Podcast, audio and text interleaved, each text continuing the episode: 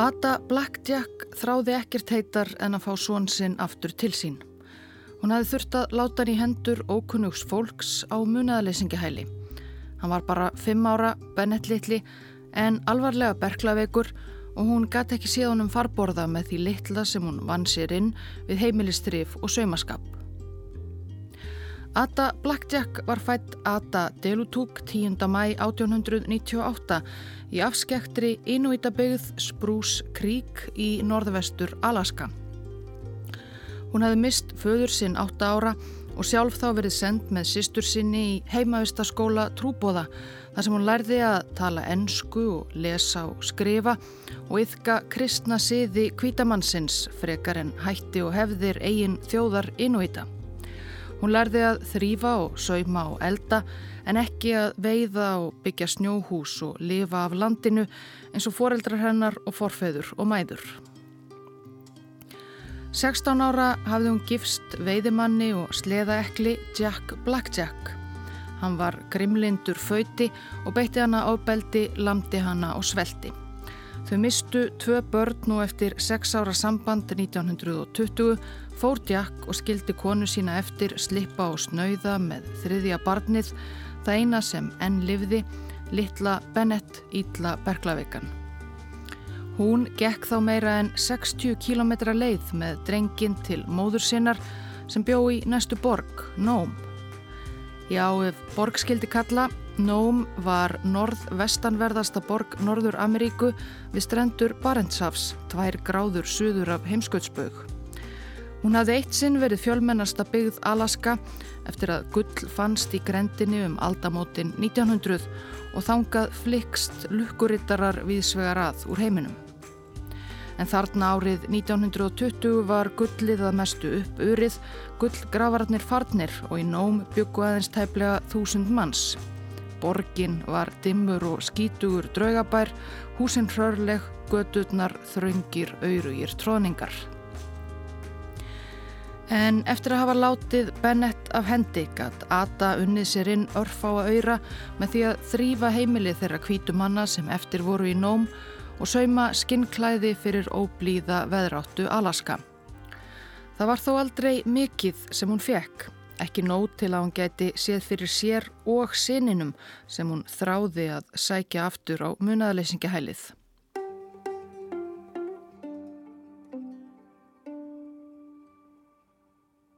Dagnokkurn í byrjun september 1921 var Ada Blackjack á leið heim í kvot móður sinnar eftir eitt þrifadjópið þreytt og lúin.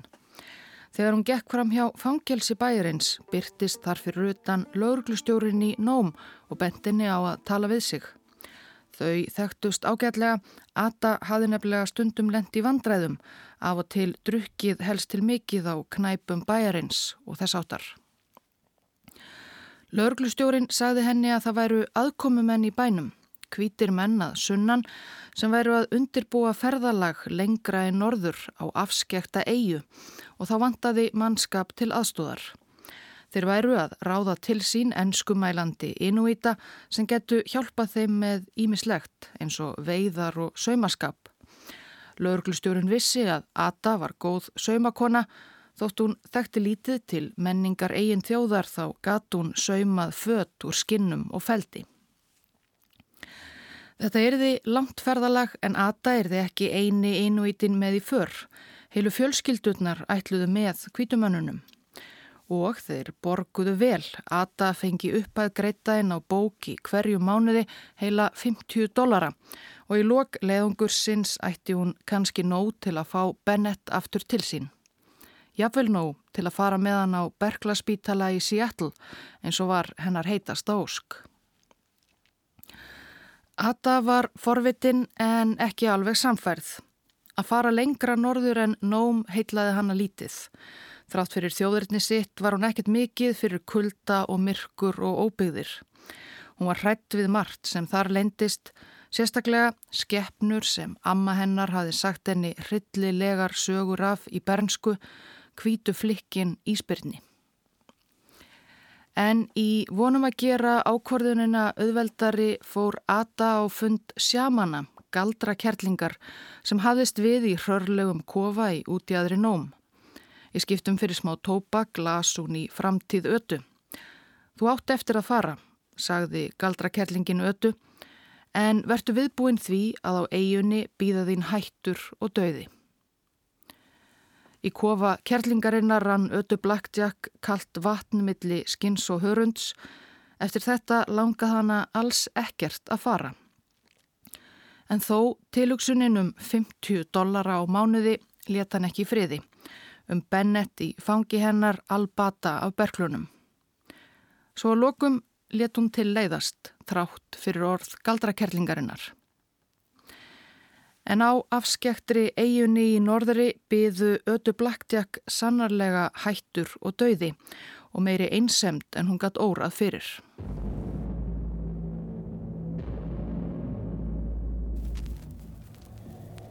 Kæru landar mínir. Það er mér skam að mér er ekki fært að nota sem skildi þetta einstaka tækifæri mitt til að tala við Íslandinga hér heima á gamla landinu. En því miður hef ég ekki búið í íslenskri nýlandu Vestanhavs og hef ekki getið fengið tækifæri til að æfa mig í málinu. Við heyrum landkunniðin Viljálm Stefánsson ávarpa hlustendur Ríkisútarsins á móðurmáli foreldra sinna í júni 1949. Um Viljálm Stefánsson hefur mikið verið fjallað en það einn af frægustu vestur Íslendingunum. Hann var fætur í Manitoba í Kanada 1879, foreldrar hans höfðu fluttþangað tveimur árum áður úr Eyjafyrði og svo alin upp í Íslendingabyggðum í norður Dakota í Bandaríkunum. Drengurinn var reyndar uppálega nefndur upp á enskan máta William Stevenson en tóku uppið íslenska Viljálmur Stefánsson á fullorðinsaldri, kannski af ættjarðar ást til Íslands, kannski því framandi norrænta nafn hefði betur fyrir frægan landkönnuð líkt og hann hafi fljótt huga á að verða. Viljálmur las mannfræði í háskóla, var snemma hugfangin af norðurslóðum og íbúum þeirra og fór að ferðast um Alaska og heimskautasvæði Kanada. Árið 1913 fór hann fyrir leiðangri til að kanna og kortleggja heimskauta eigur Kanada á vegum kanadískra stjórnvalda. En flagskip Vilhjálms í leiðangrinum, gamalt rörlegt kvalveiði seglskip Karlúk, festist í hafís eftir aðeins nokkura vikna ferðalagi í norður, rétt undan norðurströnd Alaska. Ekki laungu síðar yfirgaf Viljálmur skipið og hjælt út á ísin á sleða með fimm mönnum úr áhöfninni. Að sögni stutta veiðferð til að útvega áhafnarliðum ferst kjött. Deilt erum ágæti þeirrar ákvörðunar Viljálms að yfirgefa menn sína enn í dag og skal sem minnst fullirtum hana hér en alltjent snýri Viljálmur Stefánsson aldrei aftur úr veiðferðinni og um borði Karlúk en án leiðangus fóringjans rak Karlúk í klakaböndum vestur og yfir í svo kallað Tjútkíhaf milli Alaska og Sýberju. Þar brotnaði skipið og sökk í janúar 1914. Áhöfnin bjargaði sér út á ísin en var langt frá landi. Fjöguramanna teimi náði að komast á næsta landmassa Herald Ey Agnarsmá á hrjóstru og eigur rúma 300 km úti fyrir norðausturströnd Sýberju en þar letust allir fjórir menn úr Vosbúð. Öðrum eftirlifandi áhafnarliðum undir stjórn skipstjóra Karlúks Robert Bartletts tókst loks við Ídlanleik að komast á stærri eigu, Rangel eigu, í februar 1914. Þanga tókst Bartlett og Inuita úr áhafninni að komast yfir á norðausturströnd Sýberíu í hjálparleit og meðan aðrir norpuðu á Rangeleiu þar til þeim var loks bjargað sjö mánuðum síðar í september 1914. 14 mönnum var loks bjargað en 11 úr upprunalegri áhöfn Karlúk höfðu þá látið lífið. Á meðan allt þetta gerðist var Vilhjálmur Stefánsson á sleðaferðum um ísilagt Norður Íshaf Hann snýri ekki almennilega aftur til byggða fyrir en 1918 hafandi þá kortlagt ímsar eigjar og annað þarna lengst í norðri og hlaut fyrir lof og hilli annara landkönnuða. Þótt ímsir settu þó vissulega spurningamerki við afdrif Vesalings áhafnar Karlúks eftir að hann yfirgaf skipið og já, leðtoga hæfni Vilhjálms. En hvað um það, mörgum árum síðar var Vilhjálmur Stefánsson enn með hugan við norðurslóðir og sérstaklega við eiguna afskektu þar sem menn hans, án hans, höfðu þurft að þóla þessar miklu raunir.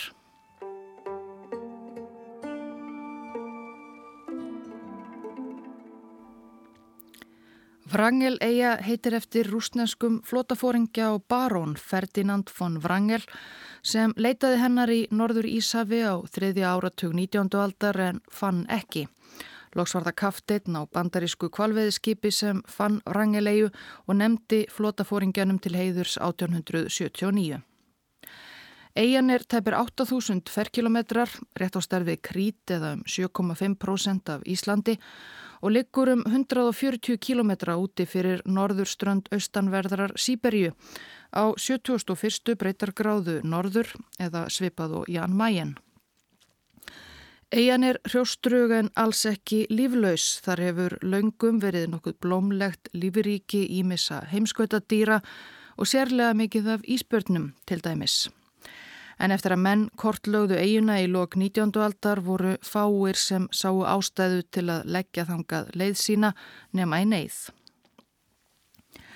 Viljálmur Stefánsson hafði á ferðum sínum um norðurslóðir lagt áherslu á að læra og tilenga sér lifnaðarhætti frumbyggja hvað komað klæðaburði, mataræði og veiðum og fleira. Það taldi hann einu leiðina til að komast af í norðri réttilega en það gekk honum vel á ferðum sínum. Eftir Karlúk-ævintýrið, já eða Rittlingin, var Viljálmur að mestu búin að setja snjóskóna á hilluna þótt hann væri ekki nema rétt um færtugt. Hann ferðaðist hins vegar um Norður Ameríku og sagði frá ferðum sínum og uppgötunum. Í skrifum og ræðum lagði Viljálmur áherslu á hugmyndir sínar um það sem hann kallaði heimskautslöndin vinalegu The Friendly Arctic eða heimskautslöndin unaðslegu eins og það er haft í gamalli íslenskri þýðingu á samnemndri bók Könnuðarins. Nefnilega að í raun og veru væri ekkert mál að komast vel af á hinnum harðuneskjulegu norðurslóðum til engaði maður sér bara rétta lifnaðarhætti, rétt eins og Viljálmur hafði sjálfur gert. Þar væri í raun allt til alls. Það eina sem þyrti, sagði Viljálmur, væri góð sjón og góður riffill. Með réttu aðferðunum gæti tilveran verið eins þægilega á norðurpólnum, létt Viljálmur líka oft hafa eftir sér og hún væri suður á Hawaii.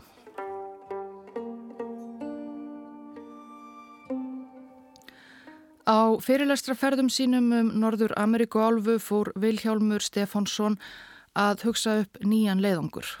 Leiðangur sem myndi sína skýrt og greinilega að hugmyndir hans um vinalegu heimskautslöndin stæðust og ekkert mál verið að komast vel af lengst í norðri. Og hann var einnig með hugan við Vrangel-eigu. Nákvæmlega hvaða ríki þessi afskekta eiga tilherði hafi löngum verið nokkuð á reiki. Þar bjóju engin og þangað kom eiginlega engin. Þar var lítið að hafa sem nokkur gintist annað en íspjarna og refafeldi. Bandarískur sjóari hafði vissulega fyrstur fundið eiguna og nokkur síðar hafði áhöfn á öðru bandarísku skipi eignað eiguna bandaríkunum. En hún var jú ekki svo langt undan ströndum Sýberju, mikið nær Rúslandi en bandaríkunum, svo rússar letu svo á að hún tilherði þeim. Rúsnenskir ísbrjótar höfðu silt af og til á rangel á fyrstu áratugum 20. aldar til að undirstryka það. En Viljálmur Stefánsson hafi löngum verið að þeirri skoðun að réttur eigandi eigunar væri fæðingarland hans Kanada og þannig breska heimsveldið sem Kanada var hluti af. Menn úr hans eigin kanadíska leiðangri, skipbrótsmenn af Karlúk, voru jú einu mennirnir sem búið höfðu á eigunni að ráði. Og Viljálmur hafði stóra drauma um möguleika hinnar kanadísku rangel Þar mætti til að mynda setja upp flugstöð, áningarstað á flugleiðum framtíðar um norðurslóðir. Kanadísk stjórnvöld deildu ekki ákofum áhuga Vilhjálms á þessum útnára og orðspor Vilhjálms var kannski ekki alveg það besta eftir vandræðin með Karlúk. Á fundi með forsætisráð þeirra Kanada um eiguna haustið 1920 fekk konnuðurinn litlar undirtæktir. En hann ákvaða efna til leiðungurstangað samt, skipulegja þetta sjálfur og slá tvær flugur í einu höggi egna Kanada og Breitlandi vrangilegju og sína hversu vinalegar norðurslóðir væru í raun.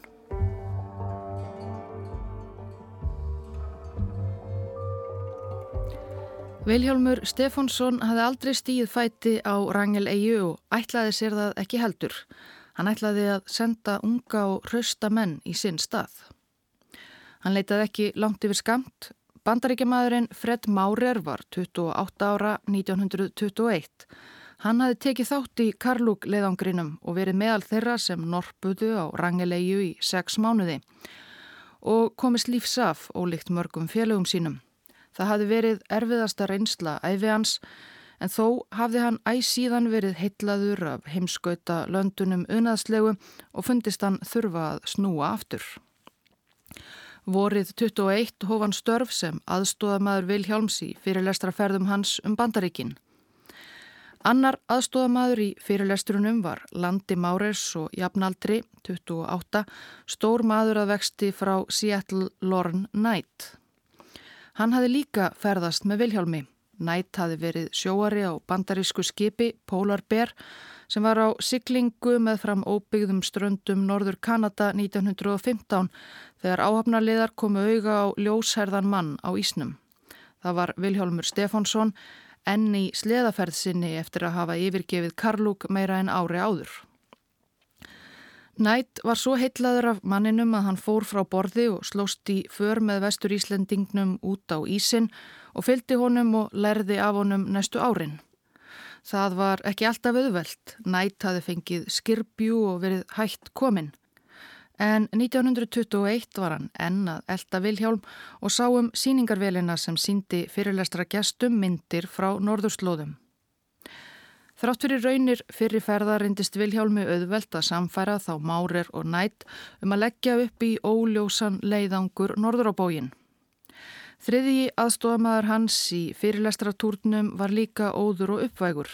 Sá var þó mun yngri og með alls enga reynslu af heimskautaferðum. Milton Gall var bara 19 ára 1921, fættur og uppalinn ansi langt frá heimskautsbög í smábæ í Texas og hafi lítið ferðast. En hann hafði heitlast svo upp úr skónum þegar Viljálmur Stefánsson kom í bæin og hjælt fyrirlestur um ferðalög sín að hann hafði þá og þegar einsett sér að feta í fótspór hans.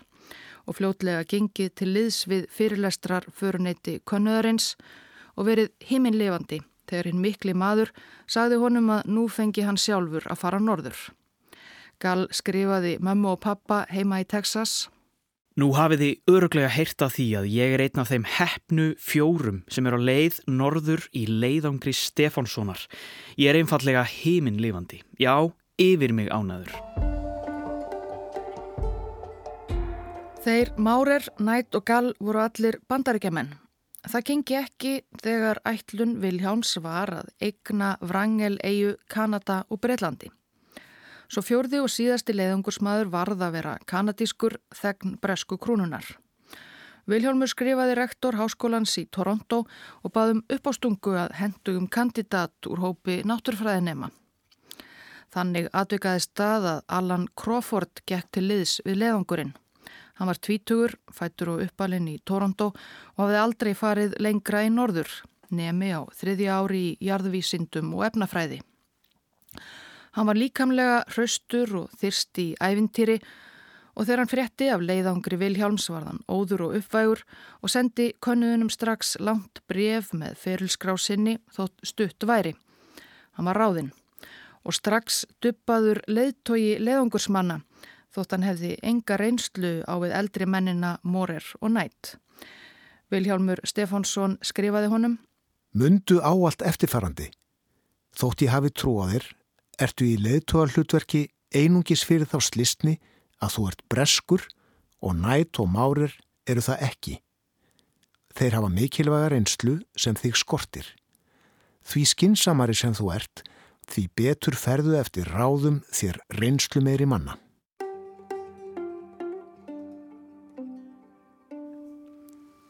Þrátt fyrir ítrekkaðar tilraunir tókst Viljálmi ekki að tryggja fulla fjármögnun fyrir leiðangri til Vrangel-Eyjar frá kanadískum stjórnvöldum. Áhugin á honum og hugmyndum hans var reynlega ekki mikill. En þrátt fyrir það vildi Viljálmur hraða mönnum sínum af stað áður en veturinn skilli á og ferðalög svo langt í norðri yrður ómöguleg. Svo hann aflaði fjármaks þar sem hann gatt og vonaði einnig að þegar leiðangurinn væri komin af stað myndu Kanadamenn kannski koma til. Fjáröflunin gekk svona sæmilega, Viljálmur þurfti að halda þéttum pinguna og tilkynnti meðal annars yngsta leiðangusmanninum Milton Gall að hann myndi ekki fá neitt greitt á meðan dvöl hans stæði. Gall var svo æstur að komast að stað að honum var alveg sama. Planið var að fjórmenningarnir ungu sildu til Vrangel-Eyjar, plönduðu þar breska fánanum og dveldu yfir veturinn, ríkir af reynslu og ráðum Vilhjálmsum hvernig væri hægt að lifa eins þægilega á norðurslóðum og suðurafsegjum.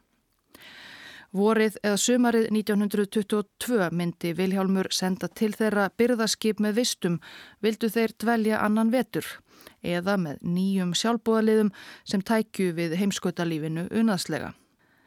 En þeir yrðu þó ekki alveg einir, með sér hefðu þeir hjálparhellur en reynslu meiri.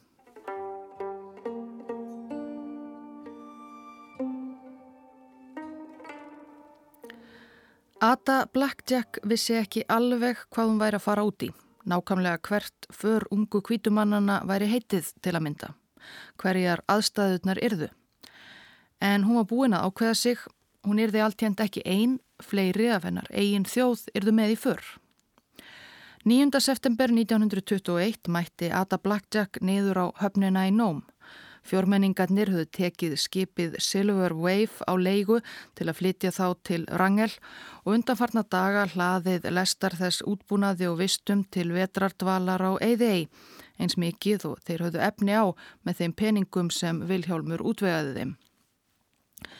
Það var ís og þís á höfninni, menn að lesta, bladasnápar að reyna að ná viðtali við ungu leðangursmennina en hvað sem Ata skimaði kom hún ekki auga á nokkra aðra inúíta. Það var raunin að þær inúíta fjölskyldur sem hafðu ráðið sig í leiðangurinn mættu ekki á hafnarbakkan á brottfarardegi.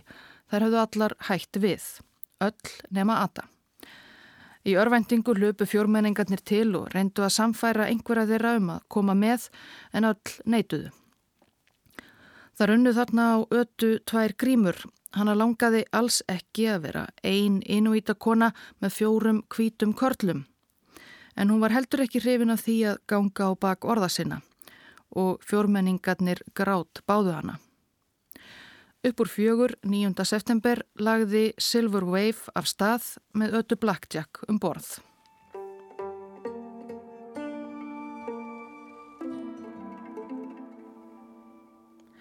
Sjóleiðin til Rangel var ömuleg.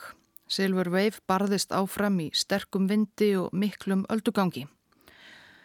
Mennitnir gáttu lítið aðtapnað sig um borð fyrir volki og voru meirum minna allir fár sjóveikir, lágu í rúminu og bölfuðu.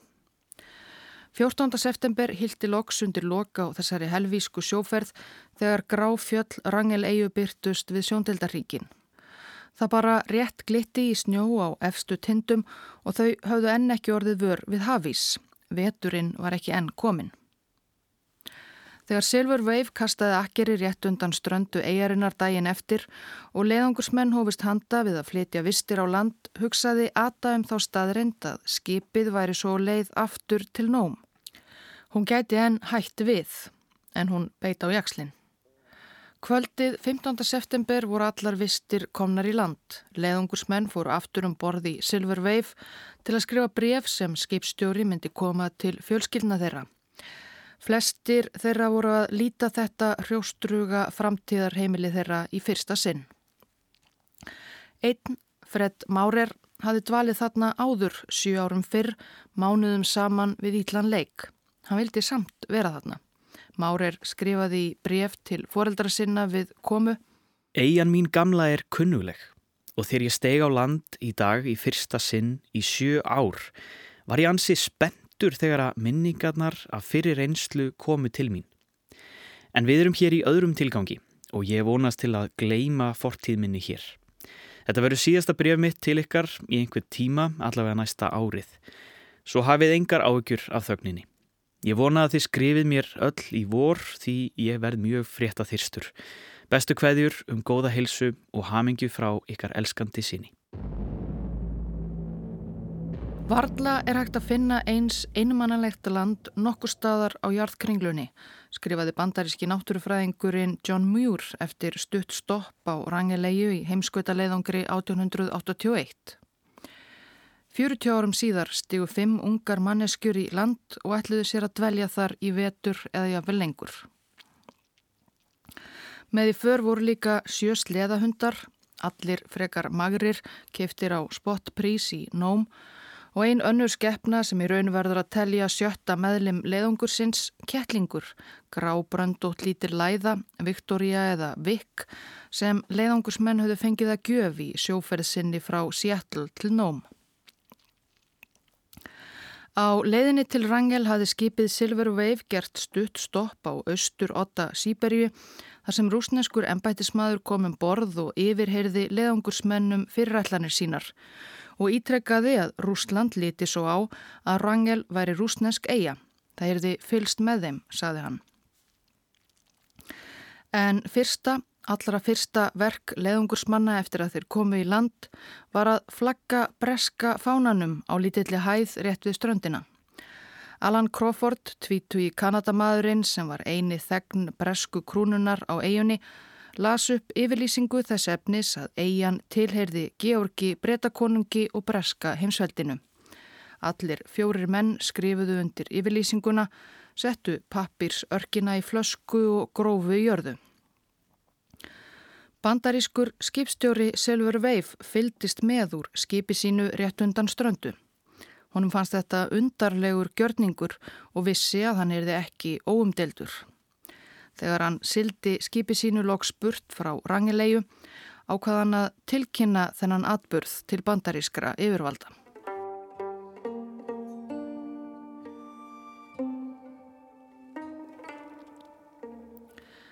Þegar Silver Wave sildi á braut hófust eigaskeggjarnir fimm handa við að reysa sér búðir. Þau höfðu fundið stað við ströndina þar sem nú var að reka við að byggja úr og brenna, ekki svo langt frá þeim stað þar sem skipverjar á ólánskipinu Karlúk hafðu hókaraðum árið. Þau tjölduðu tveimur tjöldum hlið við hlið í skjóli undir hlýð, stærra tjaldið Svefnerbergi Karlmannana fjögura og svo minna tjald fyrir ötu og eldhúsið. Yfir tjöldin reistu þau svo húsgrind úr rekaviðardrömbum. Þegar veturinn kæmi myndu þau svo hlaða vekki úr snjó utanum grindina og vera þannig í tvöföldu skjóli í versta vetrarkuldanum. Svo tóku dagarnir að líða. Fimmenningarnir á Rangal sísluðu ímislegt, könnuðu nágrinni sitt á eigunni, gáðu til veðurs, mældu hitt og þetta, rannsökuðu steina og jurtir og fyldust með fuggla og dýralífi, refum og rostungum, máfum og hröfnum.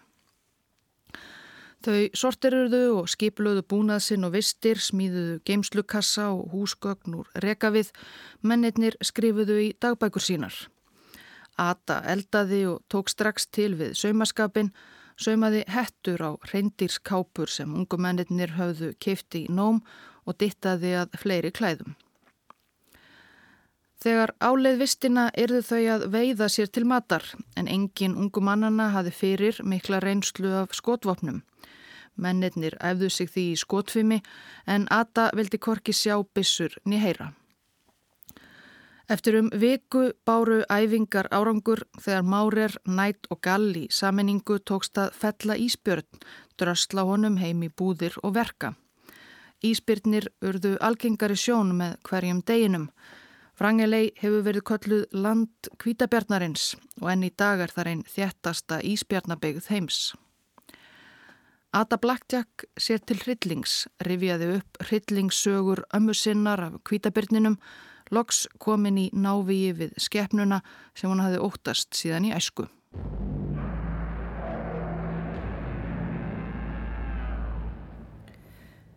Fyrstu dagarnir gengur sem sé vel. Þau voru þá svona vinaleg eftir allt saman heimskautalöndin eins og Vilhjálmur lærimeistari ungumannana hafi haldið fram.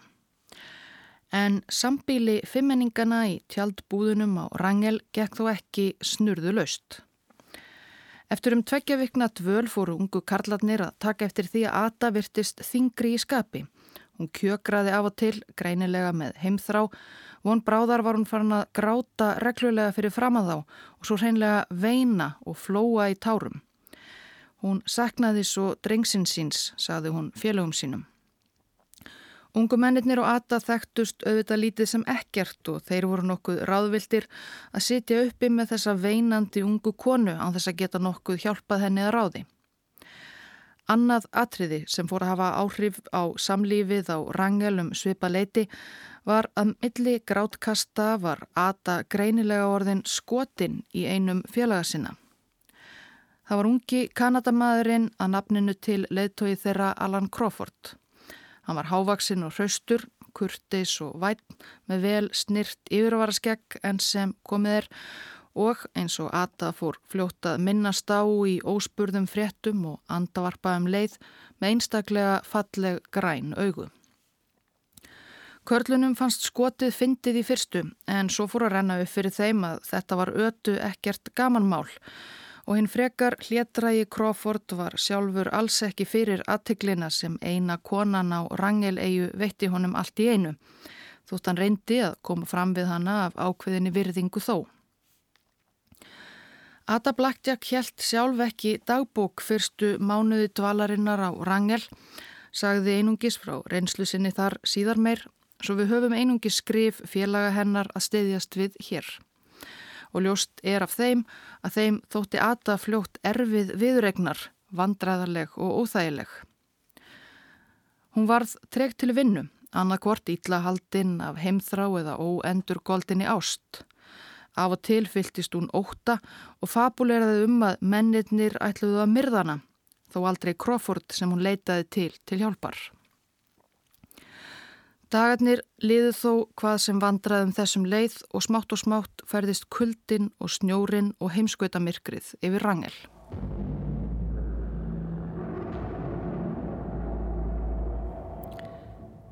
Dagætni í november, þá var leiðungusmönnum orðið erfitt að henda reyður á því nákvæmlega hvaða dagur væri, uppgötvuðu karlarnir á rangel að Ata var horfin. Hafði ekki sérst í margar klukkustundir sem var ólíkt henni. Hún fór aldrei langt frá búðum þeirra að ótta við kvítabirni. Mennetnir fundu fótspór hennar fyrir utan búðirnar og Nætt og Crawford röktu slóðina. Í fjarska sáu þeir glitta í svarta þúst á kvítri snjóbreyðunni. Þeir óttuðust á því versta.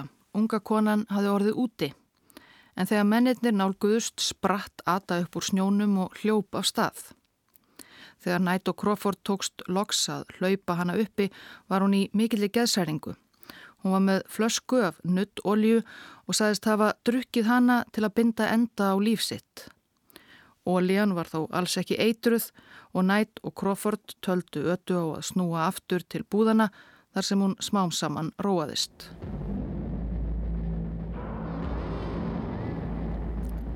Ekki löngu eftir þessa uppákomu ákváðu leðungursmenn að skipta sér upp, koma upp öðrum búðum innar í landi.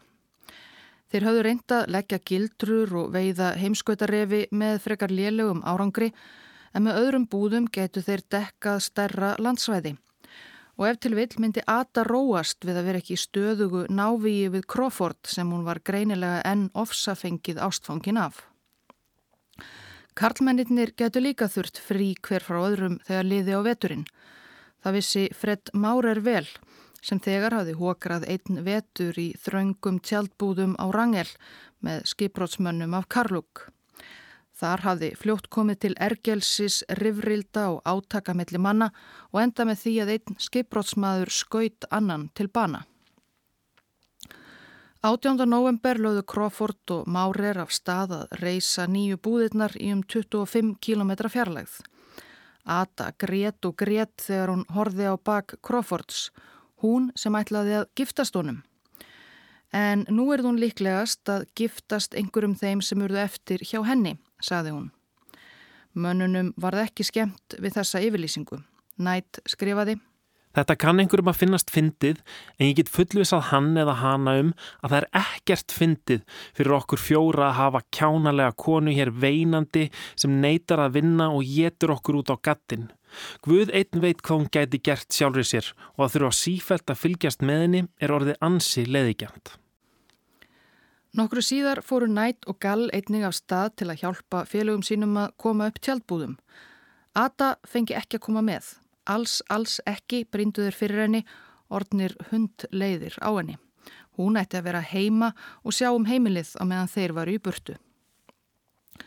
En um degi síðar þar sem mennirnir voru við vinnu byrtist Ata úr vinda eftir 25 km þram yfir snjóbreyðuna. Hún vildi bara helsa upp á Crawford, saði hún. Lorne Knight brást ókvæða við. Hann, stórvaksinn karlmaðurinn, greip ötu, smágerða innvítakonu, reyrði hana æbandi niður á hundasleða og fór með hana heim í tjálpúðunar. Það duði skamt. Þegar nætt vaknaði næsta morgun var Ata aftur horfin og í hinnum tjálpúðunum í 25 km fjarlægð byrtist hún Crawford og Márer í morgunsárið með oljulampa í hönd hafandi gengið alla nóttina. Nú var félögum hennar nóg bóðið Crawford og Maurer ákvaðu að þeir yrðu að vera harðir við hana og neituðu að hleypa henni inn í tjaldið sitt í hlíuna. Hún yrði að vera úti. Ata satt úti og veinaði. Eftir nokkra stund byrtist nætt á hundasleða. Hann hafði auðvitað grunað hvert Ata hafði annað. En hann var sammála félögum sínum um að nú yrði að kenna konunni leksju. Hann neitaði henni því um fara á sleðanum aftur í aðalbúðir. Hún erði að ganga tilbaka. Nætt þeisti svo burt á sleðanum og Ata satt eftir grátandi. Fimm tímum síðar byrtist hún í aðalbúðunum úrvinda eftir enneina gönguna millir búða og í mikilli geðsæringu. Morgunin eftir þetta vakti nætana og baðana um að sinna saumavinnu sinni og bæta stígvél sem komin voru gött á. Ata var enn þreytt eftir göngutúra og vósbúð síðustu daga og hún neytaði að vinna. Þá reytist Loren Knight aftur. Hann greip ötu, dró hana út æpandi að flagstöng sem mennirnur höfðu reist fyrir utan tjaldbúðirnar hvaðan blakti breski fánin, en það rangel nú bresk eiga í þeirra augum. Knight batt svo ötu fasta við stöngina. Vindurinn nauðaði og þarna úti var kallt og dimt. En þarna först við stöngina mætti hún dúsa þar til hún færi að haga sér almennilega.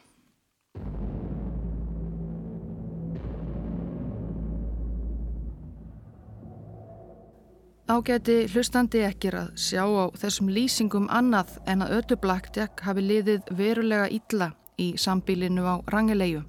Hún var ítla haldinn af heimþrá og eftirsjá og óta og orðin reglulega ringluð.